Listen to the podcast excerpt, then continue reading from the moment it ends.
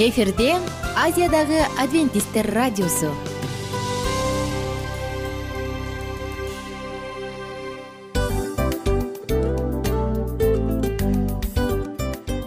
Достор салют.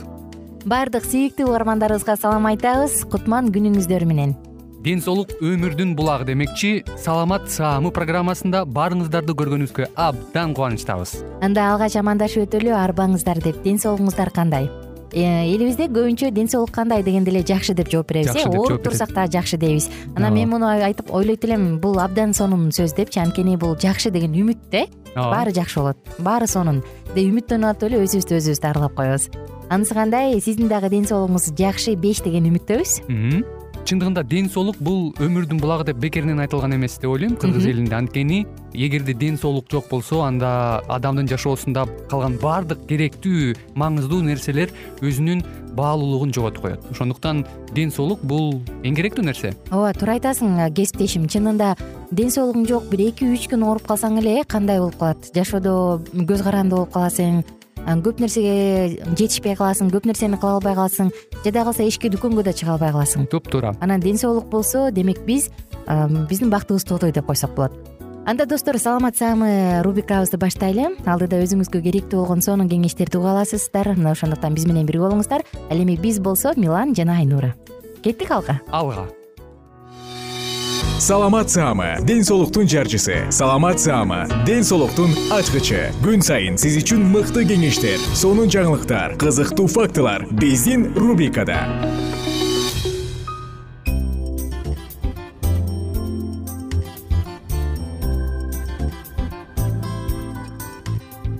Салют достор кандайсыздар угармандар жалпыңыздар менен амандашып биз саламат рубрикасын баштадык. Жана бүгүнкү темабыз жогорку холестерин. Холестерин көп болгондо деп аталат. Пайдалуу суусундуктар цикли эгерде сиздин каныңызда дагы холестерин көп боло турган болсо анда кандай суусундук ичиш керек? Кандай смузи ичиш керек? Бул тууралуу алдыда кененирээк сөз кылып беребиз. Достор холестерин дегенде эле алгач холестерин жөнүндө биле кетсек э бул эмне? Холестерин бул май түрүндөгү зат. Ал ар бир клеткада бар холестеринди биз жеген тамак ашыбыздан алабыз жана организм өзү дагы иштеп чыгарат. Майлуу тамак ашты канчалык көп жесек холестерин ошончолук көп болот. Холестерин бизге эмне үчүн керек?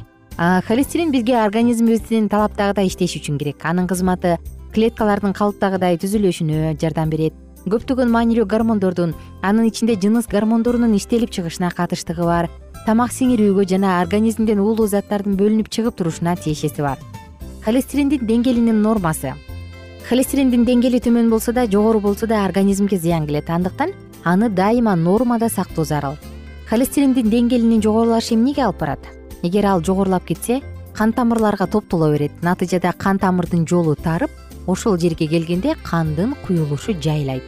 Болбосо холестериндин дагы көп чогулушуна жол берет. Ошентип кан тамыр тарыгандан тарый берет. Жүрөктүн кан тамырлары баарынан мурун жабыркайт бул инфарктка чейин жеткириши мүмкүн. Экинчиден баш мээнин кан тамырлары жабыркайт.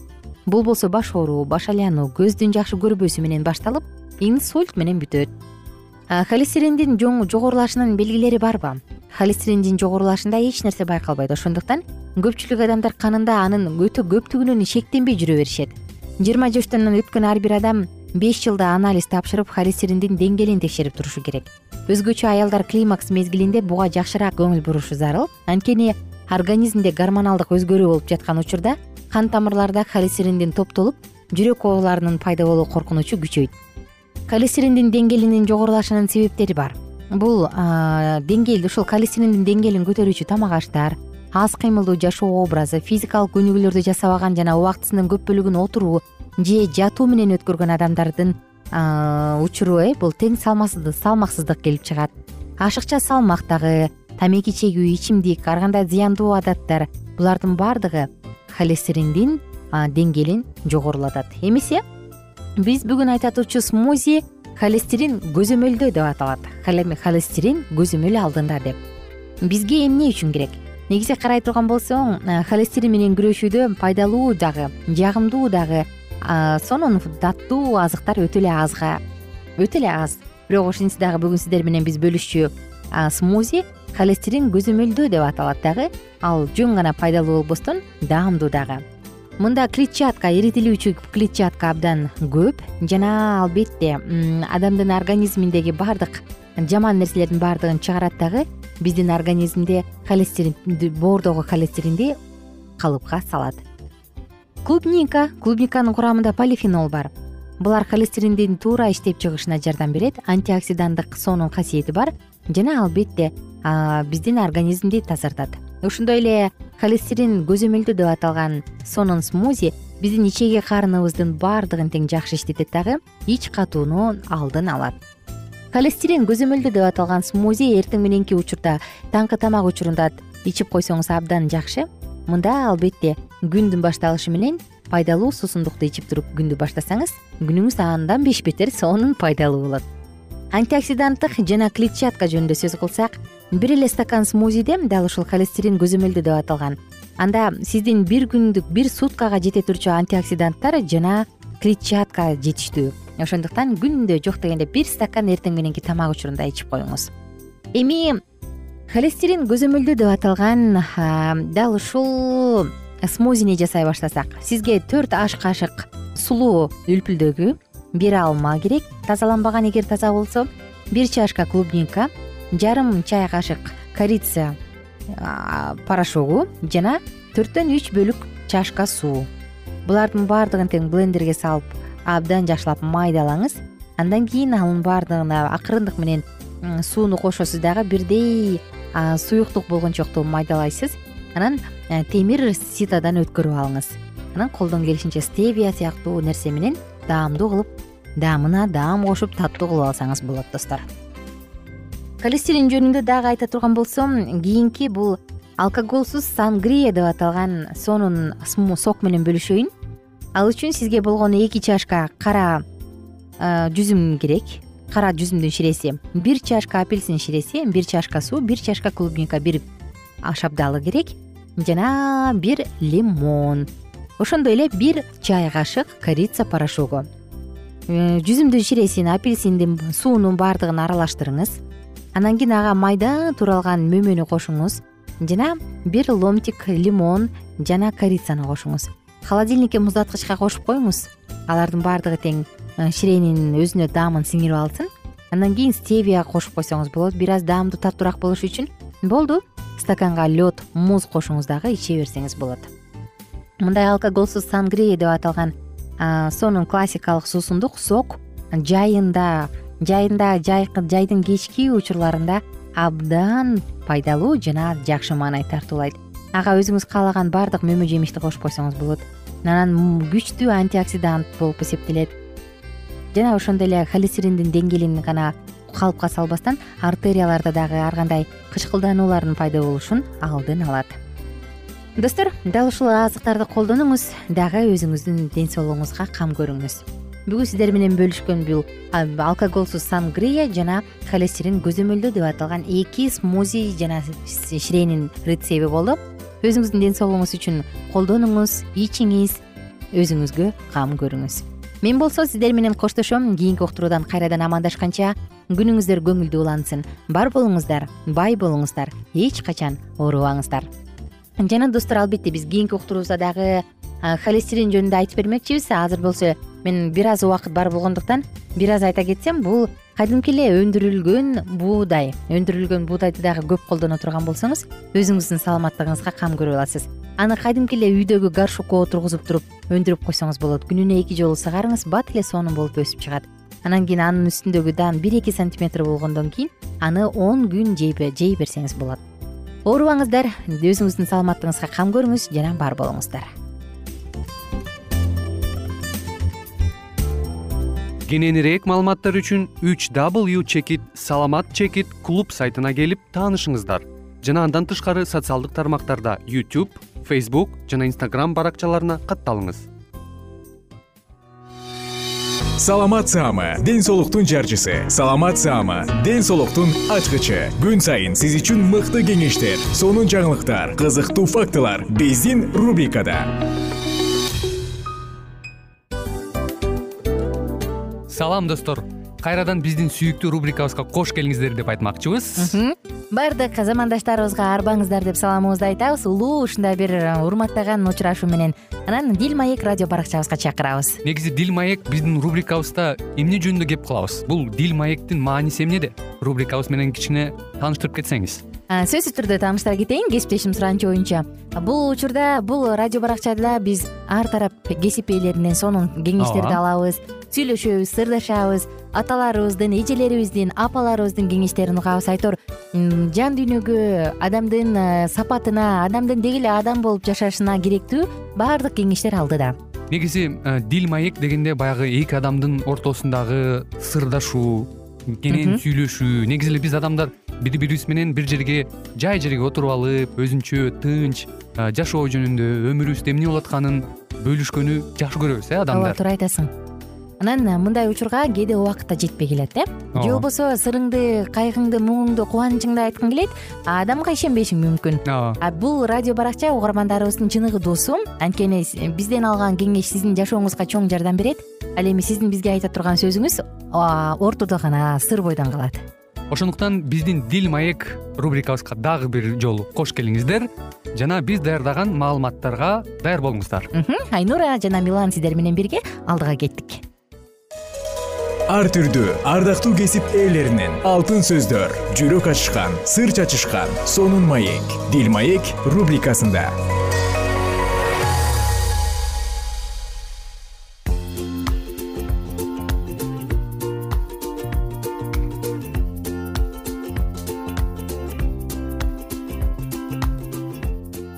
салам достор. Кутман күнүңүздөр менен кадырлуу замандаштар. Биздин сыйлыктуу сыймыктуу жана сонун сүйүктүү досторубуз. Жалпы радио угармандарга ысык салам айтабыз дагы.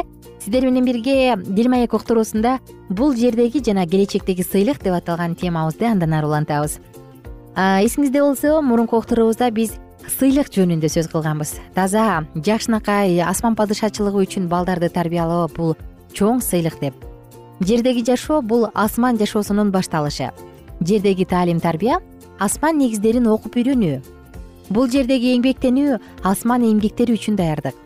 Анда биз азыр кандай болсок биздин мүнөзүбүз жана максатыбыз кандай болсо биздин кандай болорубуздун алдын ала берилген жышаанынын ишенимдүү кызматы болушу мүмкүн деген сонун сөздөр менен эфирибизди улантканбыз.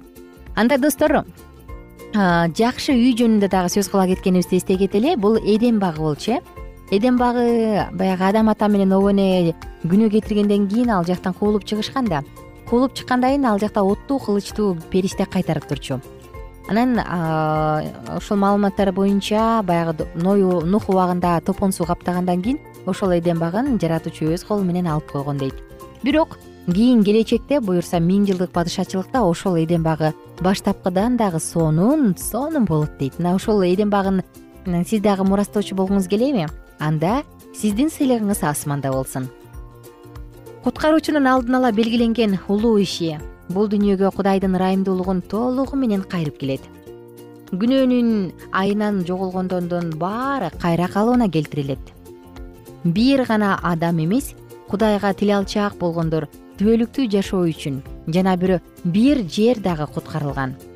Алты миң жыл аралыкта шайтан жерди ээлеп алуу максатында тынымсыз күрөшүп келген эми болсо жаратылышка байланыштуу кудайдын алгачкы учурундагы ой пикири жүзөгө ашат. Коркунуч боло турган келечектеги мурас тууралуу өтө эле кирешелүү дүйнө катары элестетет. Бул көпчүлүктү руханий көз карашта айрыкча чыныгы чындыкты түшүндүрүүгө түрттүү.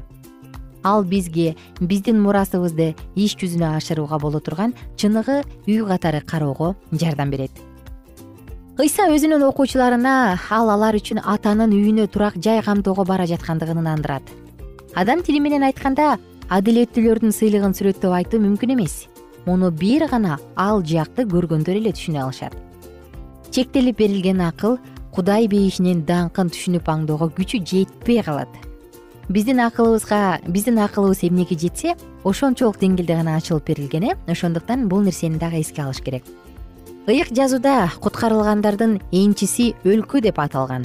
Ал жакта бейпилдиктин кайтаруучусу өзүнүн короосундагы койлорун күч берүүчү булактардын сууларына алып барат. Өмүр дарагы ай сайын өз жемишин берип турат жана дарактын жалбырактары элдерди айыктыруу үчүн даба болуп турат. Ал жакта эч качан түгөнбөгөн айнектей таза суу агымдары агып турат жана ал суулардын жээктеринде коюу жалбырактуу дарактар жайкалып өсүп көрүк берет ал жакта кең жайылган түздүктөр адырларга жана асман тиреген бийик чокулуу тоолорго айланат. Бул тынч жайыктарда жандандыруучу суу агымдарынын жанында кудай эле.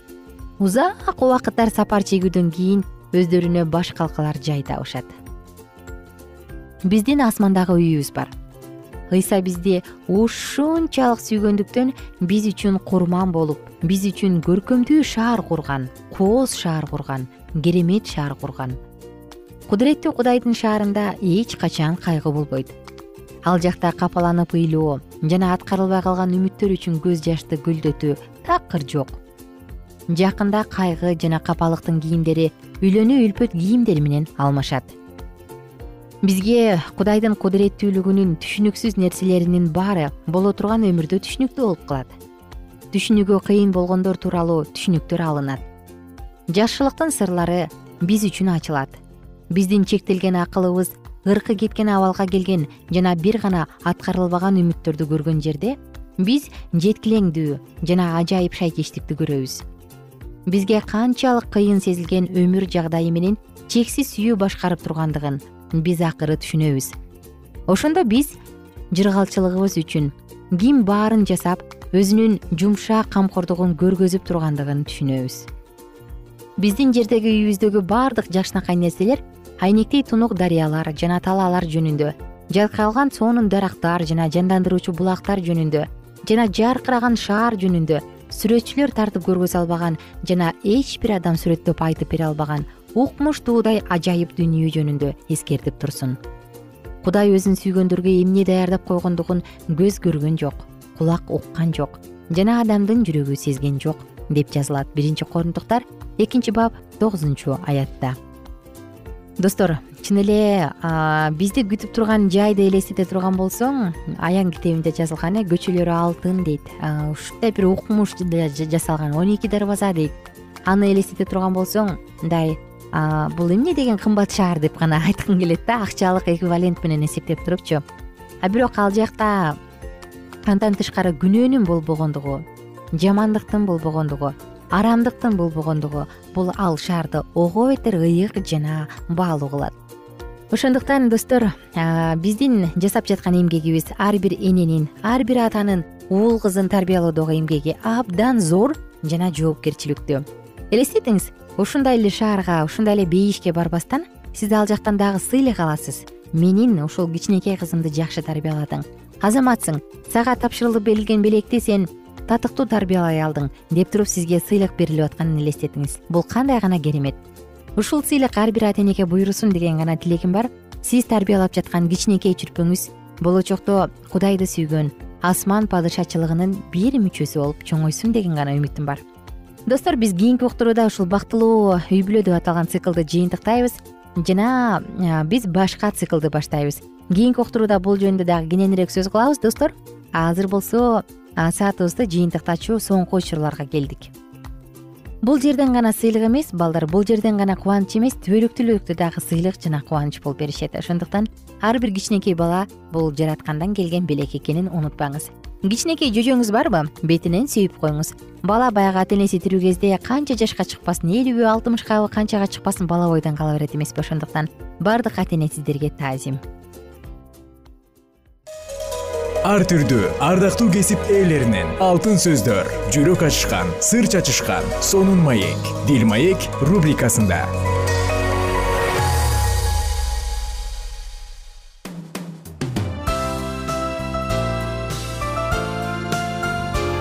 эфирде азиядагы адвентисттер радиосу.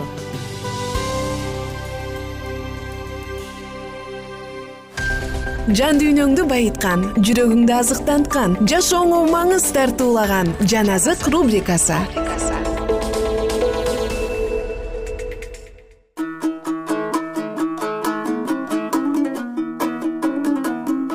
саламатсыздарбы? Кадырлуу замандаштар саламатсыздарбы угармандар. Жалпыңыздар менен кайрадан амандашып биз жан азык уктуруусун баштадык. Эске сала кетсек биз бул учурда инчил китебинде жазылган элчилердин иштери китебин окуп жатканбыз. Мурунку окторубузда шакирттери чогулган кезде элүүнчү күнү алардын үстүнө ыйык рух түшкөнүн жана петирдин кудай жөнүндө күбөлөндүрүүсүн өткөнбүз анан ал учурда кудай дейт куткарылгандарды күнүгө жыйынга кошуп атты дейт. Алар миңдеп өсүп атышты. Чогуу тамактанышчу кубаныччу үйлөрдө тамак бышырып жешчү баардык мүлктөрү жеке менчиктерин сатып баардыгына ар биринин муктаждыгына жараша бөлүп беришчү дейт. Мына бул алгачкы жыйын. Биз андан ары уланталы. Элчилердин иштери үчүнчү бөлүм. Петир менен жакан сыйынуу убагында күндүзгү саат үчтө ибадатканага кирип бара жатышкан. Тубаса аксак бир адам бар эле. Ибадатканага кирип бара жаткандардан кайыр сурасын деп аны күн сайын көтөрүп келишип ибадаткананын кооз эшик деп аталган эшигинин алдына тургузуп коюшчу. Ал ибадатканага кирип бара жаткан петир менен жаканды көрүп алардан кайыр сурады. Петир менен жакан ага көңүл коюп карашты. Анан петир ага бизди карачы деди ал адам алардан бир нерсе алам деген үмүт менен аларды тиктеп калды. Бирок петир ага менде алтын күмүш жок бирок эмнем бар болсо ошону сага беремин. Назареттик ыйса машаяктын атынан буйрук кыламын ордуңдан туруп бас деди. Анан аны оң колунан алып ордунан турууга жардам берди. Ошол учурда анын таманы менен тизелерине күч кирди ал ордунан ыргып туруп баса баштады. Секирип кудайды даңктап алар менен бирге ыйбадатканага кирди. Бүт эл анын басып жүргөнүн жана кудайды даңктап жатканын көрдү. Алар ыйса анын ибадаткананын кооз эшик деп аталган эшигинин алдында кайыр сурап отурган адам экендигин таанышты. Анын басып жүргөнүн көрүшкөндө үрөйлөрү учуп аябай таң калышты айыгып калган бул аксак киши петир менен жакандын жанынан кетпегендиктен айраң таң калган бүт эл алардын жанына сулаймандын үйү деп аталган кире бериш бөлмөгө тез эле чогулуп калды. Петир муну көргөндө элге кайрылып мындай деди. Ысрайыл эркектери буга эмне таң калып жатасыңар? Биз аны өзүбүздүн күчүбүз же такыбаалыгыбыз менен бастыргансып бизди эмне карайсыңар? Ыбрайымдын ыскактын жана жакыптын кудайы ата бабаларыбыздын кудайы өзүнүн уулу ыйсаны даңктады. Силер аны душмандын колуна салып бердиңер. Пилат аны бошотмокчу болгондо силер андан пилаттын алдында баш тарттыңар. Силер ыйык жана адил адамдан баш тарттыңар да киши өлтүргүчтү бошотуп берүүнү талап кылдыңар. Ал эми өмүр башчысын өлтүрдүңөр. Бирок аны кудай тирилтти анын тирилгенине биз күбөбүз өзүнө болгон ишеним үчүн ал силер көрүп турган жана таанып турган бул адамга күч берди. Ал берген ишеним менен баарыңардын көз алдыңарда бул адам оорусунан айыкты. Агайын туугандар силер да башчыларыңар да ал ишти билбестиктен кылганыңарды билем. Кудай болсо өзүнүн бардык пайгамбарлары аркылуу машаяктын азап тартаары жөнүндө жана алдын ала айткан алдын кандай айтса ошондой ишке ашырды.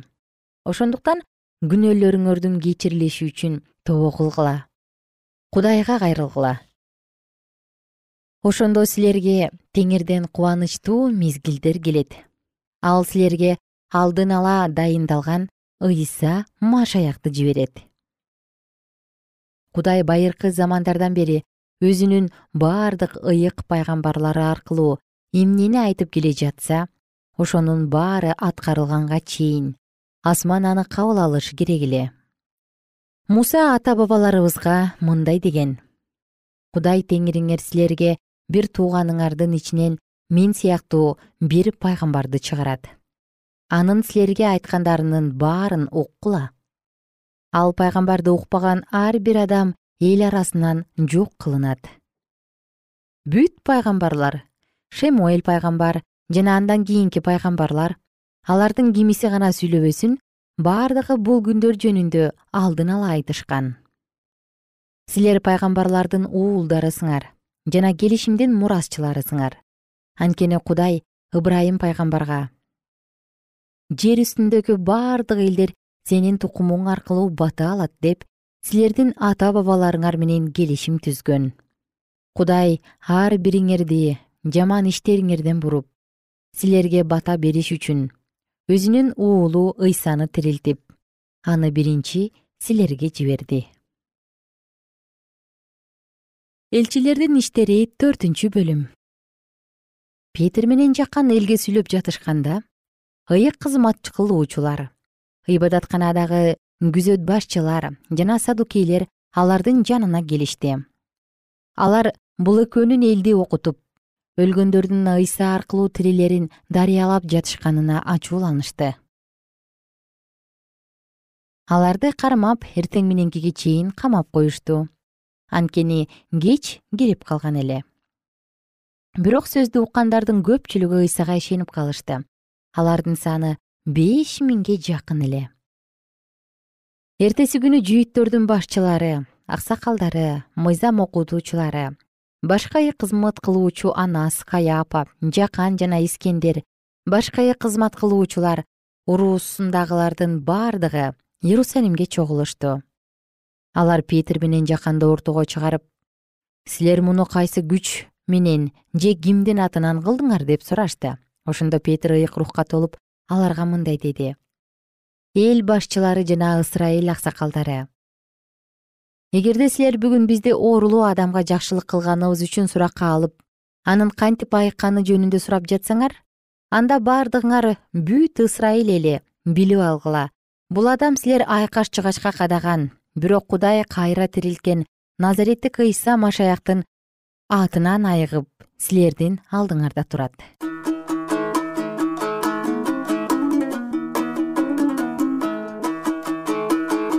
достор биз саатыбызды ушул жерден токтотобуз жана кийинки уктурууда окуянын болгонун андан ары улантабыз.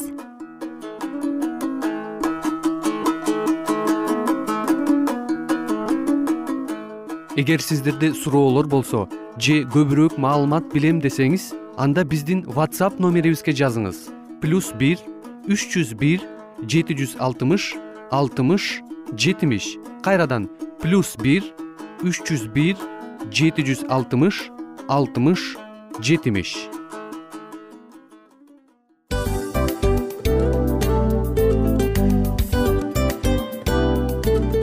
Мына ушинтип убакыт дагы тез өтүп кетет экен. Биз дагы радио уктуруубуздун аягына келип жеттик келип кубандырдыңар эми кетип кубандыргыла деп тамашалап калышат эмеспи анысы кандай? Радио баракчабызды программабызды азыр эле баштап аткандай болдук элек. Мына соңуна келдик э? Негизи убакыт билинбей өтүп кетет экен? Мен дагы убакыт дегенде бүгүн бир адам менен сүйлөшүп калдым. Анан убакыт бул мүмкүнчүлүк деп айтып өзүмө өзүм айтып алып анан мага өзүмө эле кайра ачылыш болду да чын эле. Э, карап отурсаң ошол эле жыйырма төрт саат ошол эле жарым саат кайталанып атат. Бирок сендеги мүмкүнчүлүк жок ошол кой берилип кетти? Анысы кандай? Бүгүнкү сонун убактыңызды алтындай болгон жарым саатыңызды бизге бөлүп арнаганыңыз үчүн ыраазычылык айтабыз. Анан жашооңуздун кайсы бир сферасын өзгөртө турган сонун пайдалуу кеңеш алган болсоңуз анда биз максатыбызга жеттик. Анан ушул нерсени кылбасам десеңиз ошол өзгөрүүлөрдү кичинекей кадамдардан баштап иш жүзүнө ашырыңыз дагы жашооңузда чоң чоң ийгиликтерге жетиңиздер чын жүрөктөн ар бир берилген кеңештер сөздөр сиздерге пайдасын алып келет деп ишенебиз. Жана кийинки уктурууларда сөзсүз түрдө чыдамсыздык менен сиздерди күтөбүз. Сагынычтуу салам айтып кайрадан дал ушул жыштыктан баардыгыңыздарды тосуп алганча кызматта мен айнура жана кесиптешим милан. Анда кол булгалайбыз жалпыңыздарга ийгиликтүү күн. Саламатта калыңыздар